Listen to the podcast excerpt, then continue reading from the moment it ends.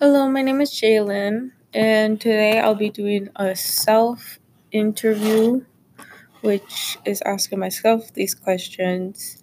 And today's topic is going to be music in 2018 and a little bit of 2019.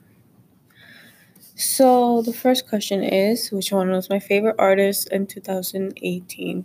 My favorite artist was really, I mean, I have so many favorite artists. Um, but my favorite that were like top of the charts was Cardi B. I think I people don't like her music. I find it very good, very hyped.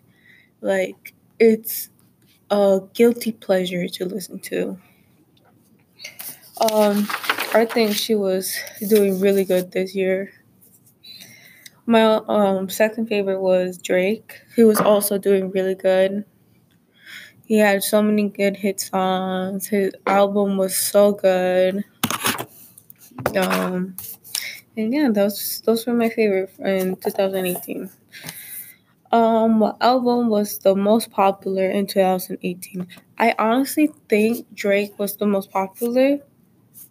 Um, like even though Cardi like released her first album, she she wasn't as popular as she was with um, Drake because Drake was like every Drake song he he puts out, it always becomes a huge hit, and I think that he took over this year. I mean last year.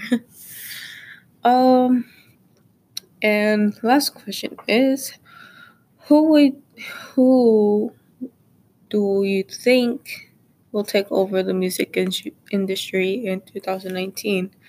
Honestly, it's so hard because like there's so many great artists and so many upcoming artists, but I honestly think that it's gonna be Billie Eilish. I have no idea. I have a feeling because she is like such a creative artist with a beautiful voice, and not only that, but she's so young with such in like a creative mind. And just recently she's like becoming more and more famous more known and everything. So i feel like this year is going to be her year to show the world that she is not playing games. So yeah. That'll be all thank you for listening to my podcast it's a little bit more short but hopefully you guys like it bye.